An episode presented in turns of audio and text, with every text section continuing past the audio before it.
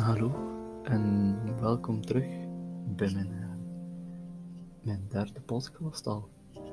Ehm, als eerste moet ik weer al sorry zeggen. ik stel je alleen maar te deur. Ehm, ja, ik was een beetje lui. Ik heb eigenlijk, ik had zeker mensen dat gast wilden zijn, maar ik kan niet pannen en heb er eigenlijk niet voor gezorgd dat er een tweede gast kan opgenomen worden. Daarvoor mijn oprechte excuses. Maar daardoor kwam ik wel op een idee van een redelijk goede, goed onderwerp voor deze podcast. Namelijk, dat zie je waarschijnlijk aan de titel, Wie is Vic? En dan moeten we misschien beginnen aan het begin. Is Victor? En hoe komt Victor aan zijn naam? Dus, voordat ik geboren werd, hadden mijn ouders een kind die eigenlijk doodgeboren is, maar waar ze, ze denken dat hij juist voor de zwangerschap allee, juist voor de zwangerschap, juist voor de bevalling of tijdens de bevalling um, gestorven was. Hè? En ja, natuurlijk, dat, ja, dat bereikt u als ouder. Ja, ouder kunnen niet echt, ja, dat bereikt u gewoon als mens. Dat is begrijpelijk. En iets later wilden mijn ouders het opnieuw proberen een kind krijgen. En dat lukte. Ze hadden een kind namelijk mij. En um, ze vonden dat kind natuurlijk ook een heel mooie naam geven. En dat werd Victor. Want Victor staat voor overwinnaar. Achteraf hebben ze met mijn broer ook een naam gegeven en dat staat voor rots. Dus eigenlijk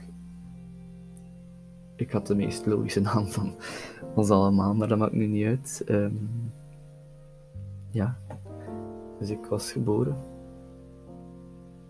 En ja, ik had een, mooie jeugd eigenlijk wel. Kan ik zeker zeggen. Ehm, mijn vader was wel niet vaak thuis, omdat hij voor ons zorgde op een andere manier. Denk ik altijd bij mezelf.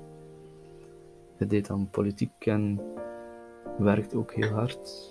En ja, ik, ik zeg, allee, ik, heb dan altijd zoiets bij mezelf van.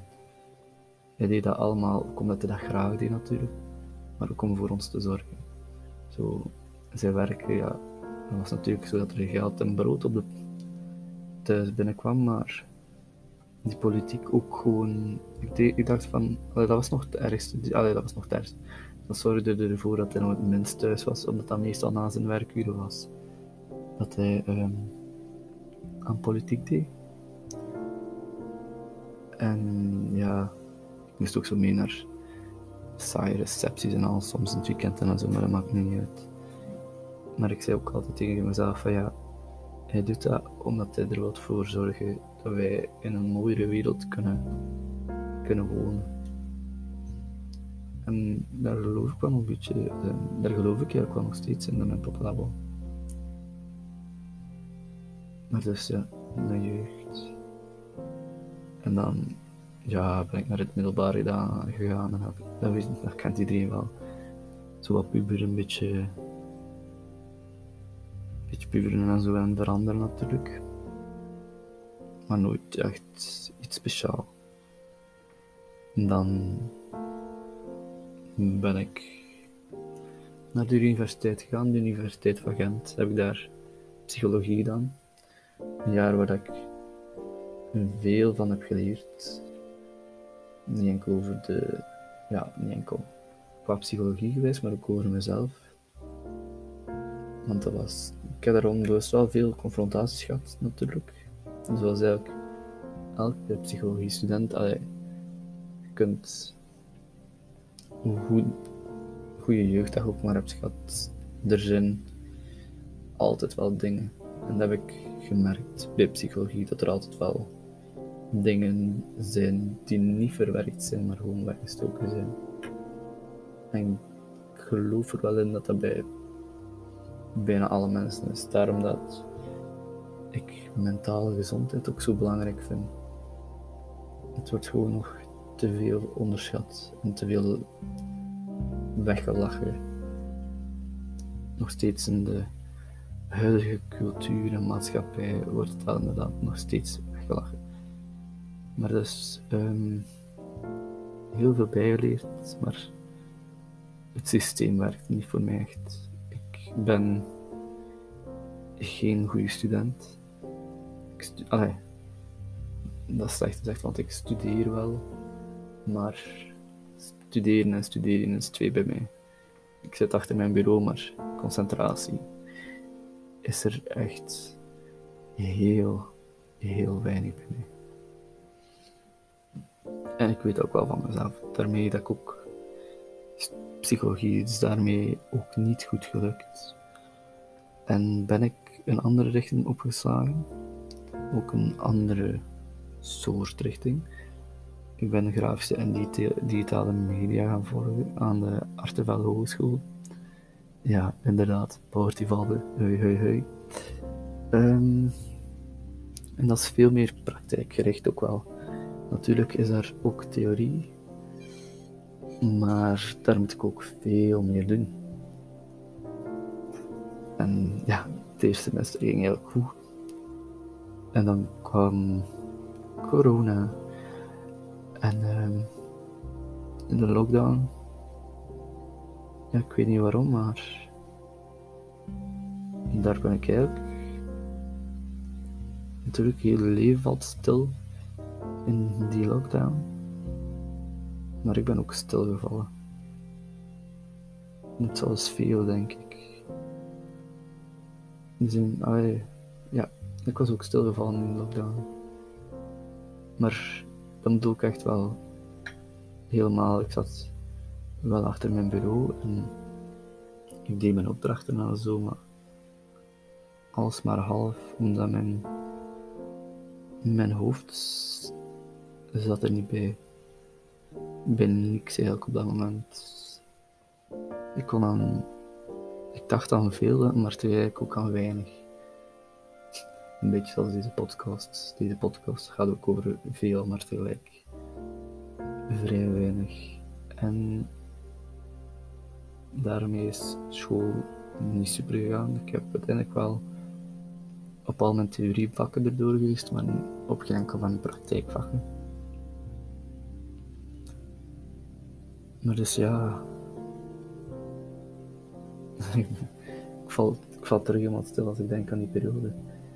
Um, maar doordat ik zo stil ben gevallen en eigenlijk over van alles en nog wat ben beginnen nadenken, heb ik in deze zomer eigenlijk een enorme groei als mens meegemaakt. En nu nog steeds. Ik ben eigenlijk helemaal aan het opbloeien.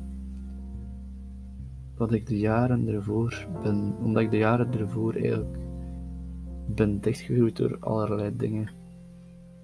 Ik dacht jaren ervoor enorm dat ik um, mezelf hard moest maken en dat maskers opzetten eigenlijk iets goed was. Maar geloof mij, een masker opzetten en je anders voordoen dat je zijt, is niet goed. Niet voor je omgeving, maar ook niet voor jezelf. Onder dat masker leid je wel. Maar dat zie je niet echt door dat masker. Dat negeerde door dat masker. En dat is niet goed. Maar dus een grote groei meegemaakt deze zomer als mens, als persoon. Ik denk dat velen ook kunnen beamen als vriend. Ah, dat hoop ik toch. Maar ik heb me toch terug proberen opgesteld voor mijn vrienden. En dat is confronterend, dat was frustrerend en dat was moeilijk, want dat was eigenlijk steeds ingaan tegen een aard dat ik mezelf had voorgesproken. En dat was confronterend, maar nu dat ik er aan denk en nu dat ik op dit punt ben, voelt het heel goed om eindelijk terug mezelf te zijn, mezelf te worden eigenlijk. En dat is, ja, daar word ik blij van, eigenlijk.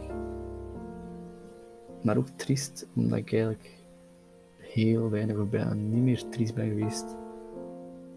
En dat is niet goed. Dat is echt niet goed. Dingen opsluiten en achter slot een grendel plaatsen, ah, vooral trieste gevoelens in een schatkistje stoppen en weggooien is niet nice. Weet op een gegeven moment wordt u, wordt uw hart daar eigenlijk een zwart gat van. En ja, ja, zo kan het niet anders begrijpen. Maar ja, en nu, nu terug in mini-lockdown. Um, ja, gewoon mezelf verder blijven ontdekken. En ontdekken is nice.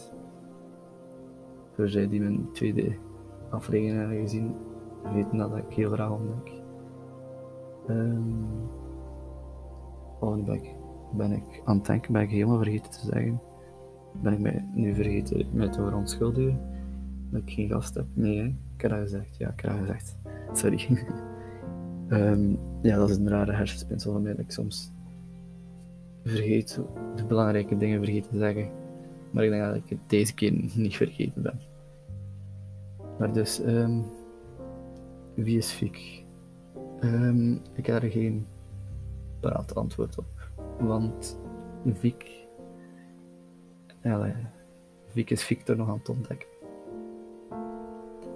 En ik denk dat we onszelf altijd moeten blijven ontdekken. Want je kunt maar nooit genoeg weten van jezelf, denk ik.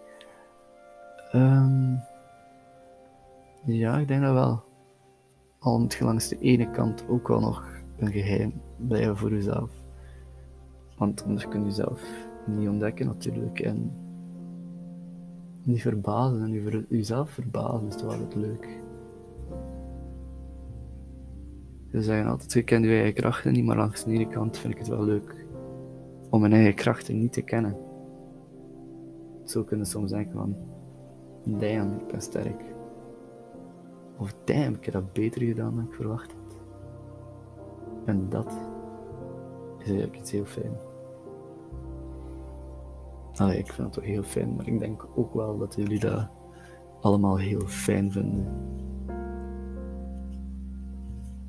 Maar wat ik momenteel wel kan zeggen um, op de vraag wie is Vic, is um, is een veerkrachtig persoon dat als ze over hebben voor zijn vrienden,